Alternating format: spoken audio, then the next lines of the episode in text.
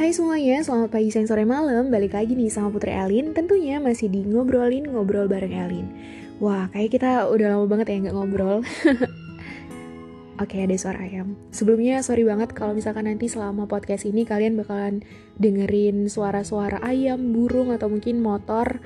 Karena emang recordnya pada saat lagi rame kayak gini. Tapi nggak apa-apa, jadi kali ini aku bakalan ngobrol sama seseorang yang emang udah malang melintang banget di dunia perorganisasian. Jadi kita bakalan tanya-tanya ke dia tentang sebuah organisasi. Tanpa basa-basi lagi, langsung aja kita telepon orangnya. Halo. Halo, assalamualaikum. Waalaikumsalam. Gimana kabarnya Mario? Alhamdulillah baik. Gimana kabarnya? Alhamdulillah baik juga. Eh BTW tadi ya. aku belum kenalin kamu nih. Boleh dong kamu kenalan gitu. Oke oke. Okay, okay. Jadi kenalin namaku Mario Maulana Azari, biasa dipanggil Mario. Oke, okay, biasa dipanggil Mario. Jadi buat teman-teman nih yang yang kepo gitu, Mario tuh yang mana gitu, bisa aja langsung searching mungkin ya di akun sosmed gitu, diketik aja Mario Maulana Asari gitu. Iya, betul, betul. Um, seperti yang udah aku bilang di awal bahwa Mario ini adalah seorang yang sudah cukup malang melintang di dunia perorganisasian. Jadi sekarang aku pengen tahu deh sudut pandang Mario tentang organisasi. Menurut Mario sendiri, apa sih organisasi itu? Oke, organisasi itu simpelnya adalah uh, sekumpulan orang yang punya tujuan yang sama. Jadi sekumpulan orang dua orang atau lebih gitu yang punya visi dan tujuan yang sama. Sesimpel itu sih definisi organisasi menurutku. Oke. Okay. Okay. Nah, tadi kan uh, organisasi itu menurut Mario adalah um, sekumpulan orang ya yang lebih dari satu yeah. orang. Otomatis di situ karena lebih dari satu orang berarti juga ada lebih dari satu karakter ya kan. Nah, iya, semisal yeah, nih, semisal di dalam organisasi gitu ada bentrok karena kan karakter-karakter yang beda-beda tadi ada bentrok gitu antar satu iya. anggota. Yeah. Gimana sih cara kamu dalam menyikapi itu?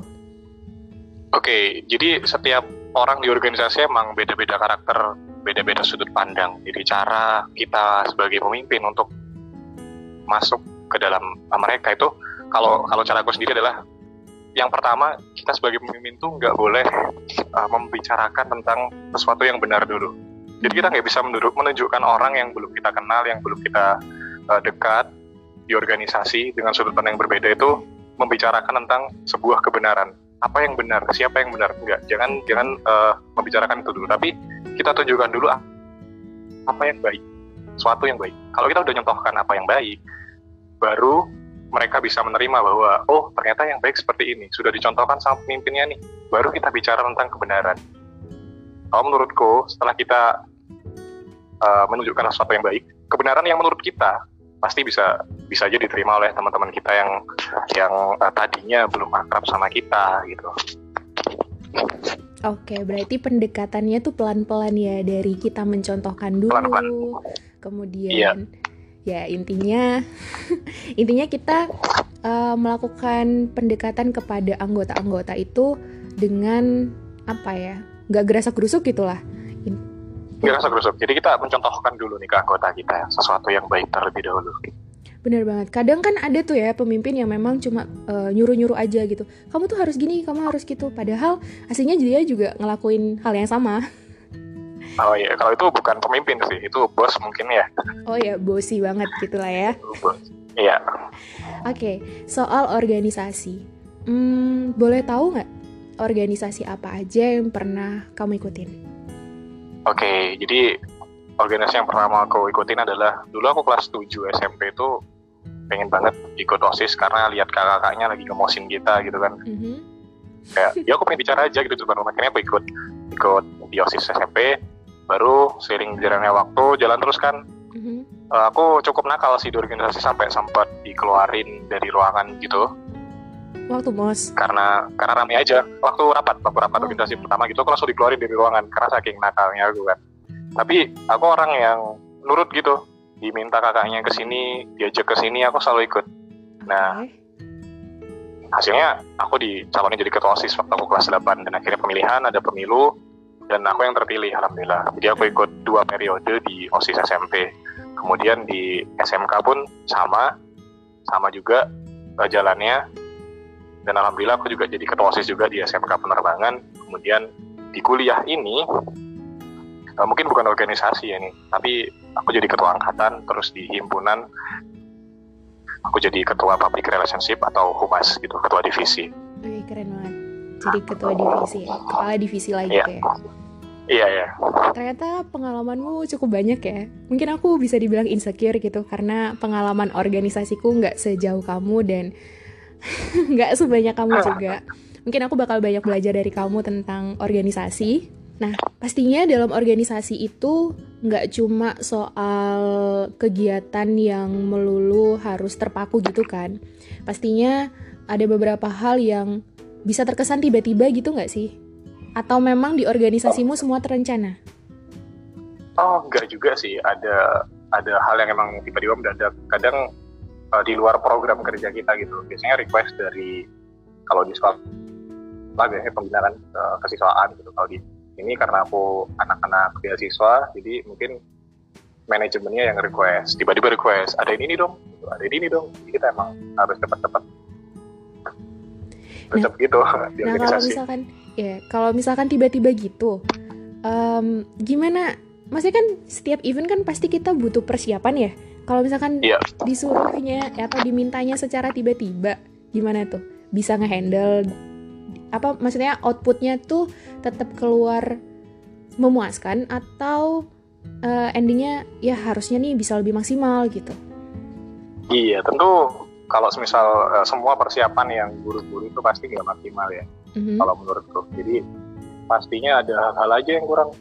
Kadang aja kita mempersiapkan suatu hal yang emang sudah jauh-jauh hari pun masih belum maksimal hasilnya, apalagi dengan buru-buru gitu. gitu. Jadi pasti ada hal aja yang ada aja kesalahan yang bisa membuat kita belajar untuk jadi lebih baik gitu. Pernah nggak sih kamu ngerasa kecewa gitu sama diri sendiri karena event yang kamu adain itu nggak sesuai sama yang kamu harapin? Um, pernah, pernah, pernah, pernah, pernah banget sih. Jadi Gimana? kayak Heeh. Gimana? Aku kemarin eh, bahkan barusan aja eventnya, barusan aja aku ada event. Jadi di sini kan ada tiga UKM gitu yang emang anak-anak eh, program beasiswa yang ada di sini. Sorry suaramu agak jauh lagi. Oke oke, Oke, oke lanjut.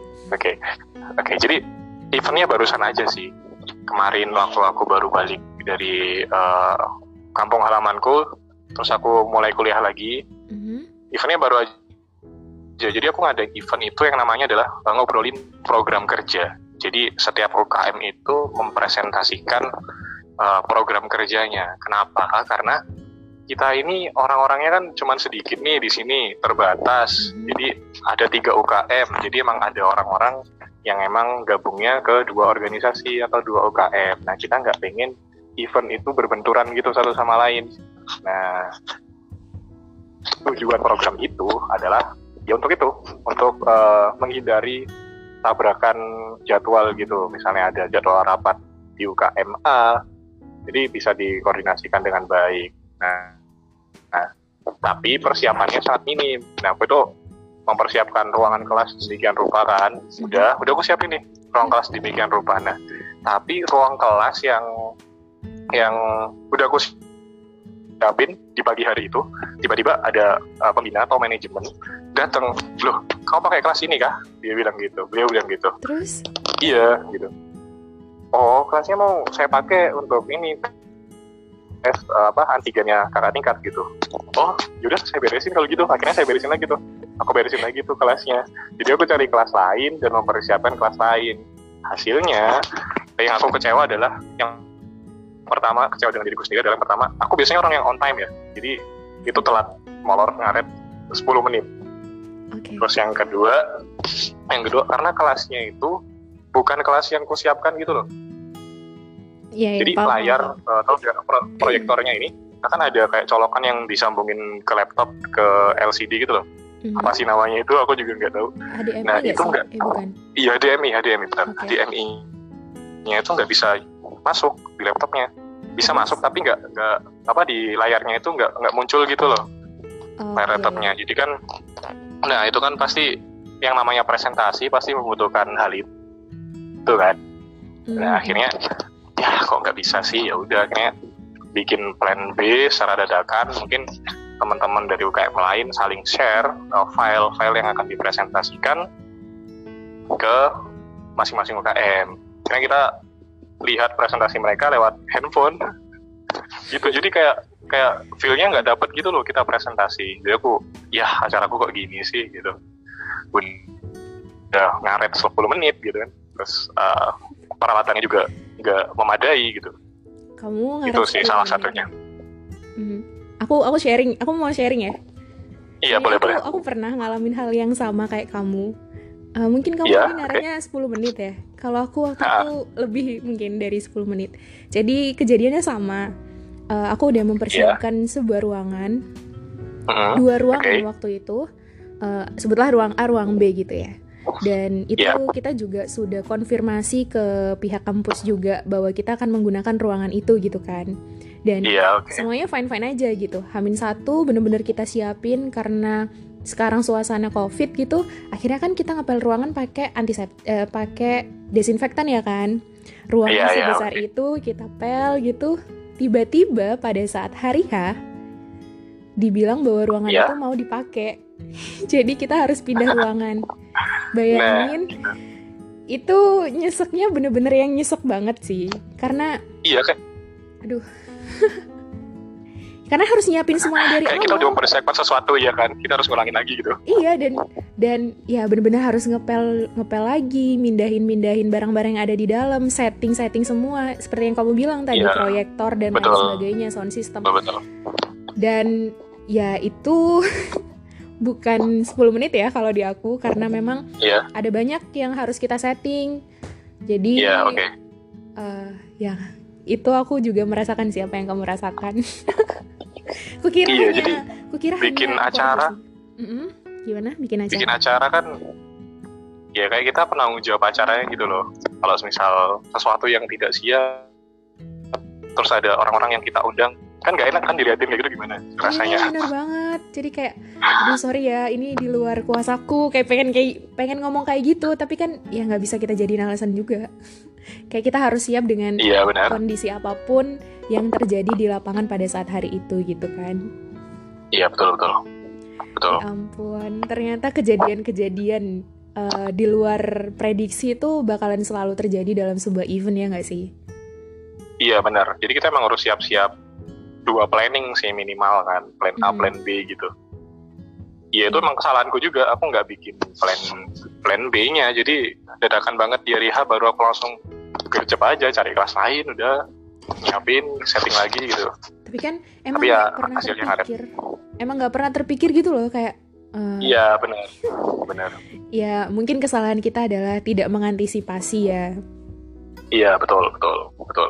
Jadi nextnya mungkin bisa bener-bener dipersiapin lagi kayak mungkin ngob- ngomong lagi sama pihak manajemen atau pihak terkait gitu bahwa eh, bener ya tanggal sekian ini nggak dipakai gitu. Iya harus memastikan bener-bener Iya, gitu. harus kan. dipastiin lagi gitu. Harus tapi- dipastiin lagi, iya. Tapi kalau boleh ini sebenarnya waktu itu waktu aku bikin acara itu sebenarnya udah dipastiin, cuman entahlah ya. Mungkin kurang memastikan lagi akunya atau gimana kurang ngerti juga sih. Iya kadang-kadang orang-orang yang di atas itu emang seperti itu, Aduh aduh. menyebalkan. Aduh aduh aduh. Ntar tiba-tiba podcast kita hilang nih. iya nih, iya nih, iya nih. Ada yang ngawasin aku nih di belakang Enggak nih. kan kita hidup di negara yang demokrasi, demokrasi ya kan. Jadi harus Katanya, katanya. harusnya kita bebas mengemukakan pendapat dong, iya kan? Iya dong, iya Harus. dong, harus dong. Benar-benar, benar. Aduh, kok mulai berbahaya pembahasan kita. Berbahaya sekali. back to topic aja, kembali ke topik pembahasan gitu. kita. Oke, sebelum sebelum sebelum balik ke topik, aku mau bicara nih. Jadi Oke, eh, perkataanku yang semisal ada di podcast ini siapa pun yang nantinya denger juga itu belum tentu benar. Jadi kita tuh harus meskipun meskipun aku ngomong A gitu, jangan jadikan patokan bahwa oh kata Mario A gitu. Enggak. Ya, tapi kita harus berdaulat dengan pemikiran kita sendiri gitu loh. Mhm. Oke, kita mendengarkan seseorang berbicara.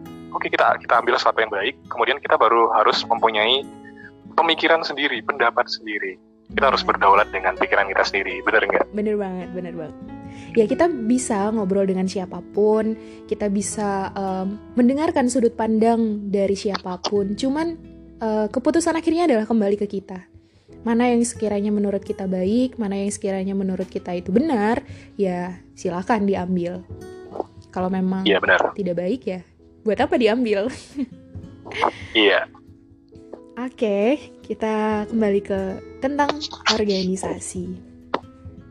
Iya. Selama okay. kamu berorganisasi pasti banyak momen dong.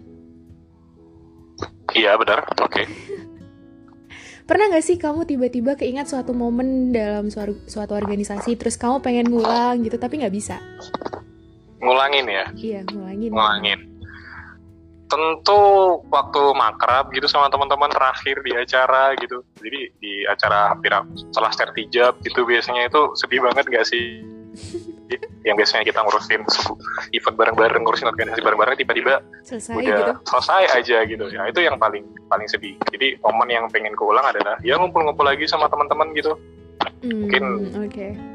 bakal berkolaborasi satu sama lain karena kita udah beda-beda di ada yang udah di kampus macam-macam kan lah ya, beda tempat kalaupun ya? kita, iya udah beda tempat jadi beda-beda tujuan semua kalaupun kita kolaborasi kayaknya bagus banget gitu iya. pengen banget sih ngerasain kumpul-kumpul lagi gitu sama teman-teman organisasi yang dulu Semoga ya, semoga buat teman-teman semoga, Mario semoga. yang nantinya denger ini tiba-tiba ngechat Mario gitu, eh ayo kumpul gitu. iya benar bukan cuma sekedar kumpul tapi membahas suatu event yang mungkin bermanfaat untuk masyarakat gitu loh. Ah, iya benar-benar benar. Kita sebagai pemuda memang harus uh, apa ya bergerak untuk menciptakan suatu hal yang bermanfaat gitu. Bener. Oke, okay, uh, eh, mungkin terakhir okay. ya, terakhir aku pengen nanya deh kesimpulan yeah. dari kamu tentang sebuah organisasi. Mungkin bisa tentang susah senangnya berorganisasi, kesimpulan dari itu. Oh, susah senang dalam berorganisasi. Jadi banyak banget senangnya kalau menurut gue ya dalam berorganisasi. Meskipun banyak banget rintangannya, tapi itu sebuah pembelajaran gitu loh. Pembelajaran untuk mendewasakan kita, untuk menyelesaikan masalah itu kan belajar juga. Jadi kita punya masalah nih pasti ya kita nikmatin aja meskipun ngomong itu enak banget ya menikmati masalah itu seperti apa sih? Mm-hmm. Pasti kan orang-orang pada mikir gimana emang menikmati masalah gitu nggak bisa ya ya nikmat ini adalah setelah kita menyelesaikan masalah gitu jadi hmm. organisasi itu banyak banget masalahnya kalau pengalamanku sendiri dulu ya aku sampai digencar dimusuhin para seniorku misalnya alumni alumni gitu karena keputusanku yang emang emang terlalu apa ya terlalu Beda. memberatkan mereka mungkin. Tapi menurutku oh ketika kamu udah melepaskan organisasimu dan mempercayakan kepada adik-adikmu percayakan keseluruhannya semuanya percayakan. Karena setiap era itu berbeda. Kalau aku percaya kalau aku percayaanku itu setiap era setiap orang setiap pemimpin gayanya berbeda. Benar banget. Aku setuju banget. Jadi pasti ada pasti ada aja hal yang berubah gitu. Jadi kalau misal kita sebagai uh, organis orang organisasi misal kita udah menurunkan jabatan kita kepada adik tingkat kita misalnya udah kita percayakan aja sama mereka. Hal-hal yang sekiranya bakal diubah itu keputusan mereka. Mereka yang lebih tahu kondisi dan situasinya bukan kita gitu. Benar banget. Benar banget. Jadi banyak banget sih pembelajaran yang emang um, emang uh, bikin kita makin dewasa gitu dalam menyelesaikan permasalahan gitu organisasi itu gitu. Senangnya gitu sih. Emang banyak banget sedihnya. Entah kita dicaci maki ya kan? Dibenci sama teman-teman kita sendiri yang mungkin bikin kegiatan yang yang mereka nggak suka gitu. Nggak sesuai sama uh, bidang mereka gitu misalnya. Atau keputusan kemudian kita. mereka iya atau keputusan kita yang nggak bisa diterima sama teman-teman. Akhirnya akhirnya ada masalah ya kan? Mm-hmm. dan kita bisa menyelesaikan masalah itu dan itu menurutku pendewasaan. Jadi proses berorganisasi itu yang pertama adalah bina diri. Kita belajar membina diri kita sendiri. Okay. yang kedua adalah bina satuan. Bina satuan ini keseluruhan dalam organisasi. Nanti outputnya adalah ketika kita sudah selesai berorganisasi yaitu bina masyarakat. Jadi ada tiga tahapan bina diri bina satuan dan juga bina masyarakat. Itu sih yang aku pahamin. Oke. Luar biasa banget aku nambah ilmu baru nih Wes. eh, iya. Boleh dong. sharing juga kamu tentang Apa? organisasi pengalaman organisasimu gitu. Ah, pengalaman organisasiku nggak terlalu banyak. Iya, mungkin kamu pernah men, meng- apa, menghandle sebuah event yang Hmm. mungkin perlu di-share ke teman-teman pengalamanmu itu gitu. menghandle event ya. Sebenarnya kalau menghandle event mungkin event terbesar itu mungkin aku ngerasanya waktu SMA. Jadi waktu SMA tuh pernah ada kegiatan namanya aduh aku lupa lagi namanya. Intinya tuh em, tentang kesenian gitu, tentang pentas seni Oh, iya. tapi Pentas seni, SMA, oke. SMA se kabupaten itu. Iya. Jadi kita bener-bener yang apa ya berasanya itu jadi kayak IO, event organizer gitu. Karena kan kita Oke. bekerja sama dengan banyak orang, terus eh, kita juga kerja sama sama sponsor-sponsor juga. Jadi waktu itu banyak banget dapat sponsor dan eh, penjualan tiket kayak gitu-gitu. Jadi dalam menghadapi suatu event itu bener-bener yang apa ya? Ada banyak dunia gitu loh di sana tentang kamu gimana gimana cara kamu menata acara ya kan terus gimana Iya. cara memanajemen waktu juga kan bintang tamu bintang tamunya juga em, perlu kita siapin gitu loh. Maksudnya kan udah ada rundown acara. Jadi Iya. kayak kita harus pastiin dia udah datang gitu tentang kayak gitunya. Terus penjualan tiket. Jadi ada wirausahanya juga. Ada kewirausahaannya juga. Terus ada belajar tentang manajemen waktu yang kayak gitu-gitu sih. Iya, iya, iya. Oke, oke. Hmm. Itu sih enaknya kalau kita menghandle event itu. Banyak belajar kan? Iya benar dari manajemen waktu, eh, wirausaha juga nggak masuk. Itu sih. Jadi kalau misalnya diajakin berorganisasi, oke aja, gas aja gitu. Yang penting Mhm. tujuan organisasi itu jelas gitu. Mhm. dari Kadang kan ada emang komunitas yang ada komunitas gitu misalnya A gitu nah. Mhm. Tapi kan tujuannya nggak jelas, nggak ada aksi nyatanya gitu. Mhm. Kadang kan seperti itu. jadi Jadi kita harus pintar-pintar milih untuk eh, memilah ya, memilah Mhm. komunitas atau organisasi apa yang memang visinya udah jelas gitu. Iya. Apa kamu mau ngomong apa?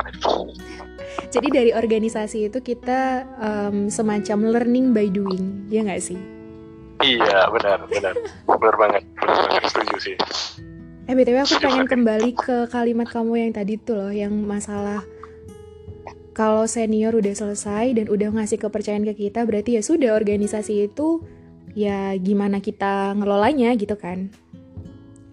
Iya eh, benar. Cuman ada beberapa dari senior itu yang merasa bahwa eh, ya dulu tuh nggak gini gitu. Dulu tuh nggak gini padahal padahal eh, masanya mereka dengan masanya kita itu udah beda keadaannya beda Iya. kondisinya beda masalah yang kita hadapi beda intinya dapurnya udah beda aja gitu tapi mereka Iya, tetap berharap bahwa ya kamu tuh harus kayak gini gitu cara Iya. kamu eh aku mau nanya nih cara kamu mengatasi itu gimana sih kamu lawan atau kamu ya kamu iya iyain aja tapi kamu nggak dengerin atau gimana Aku melawan ya. Aku orangnya eh, seberani itu iya berani untuk melakukan itu. Tuh, kenapa? Karena aku percaya itu. Jadi ketika oh Anda sudah percaya bahwa bahwa saya yang melanjutkan organisasi ini, maka jalan ke depannya saya yang menentukan, begitu kan? oke Saya yang menentukan. Misalnya gini, ada suatu permasalahan yang harus eh, aku selesaikan di dalam sebuah organisasi ini. Yang dulunya nggak bisa diselesaikan misalnya, tapi dia dia udah ada masalahnya di di angkatan dia misalnya, tapi nggak ada nggak ada penyelesaiannya.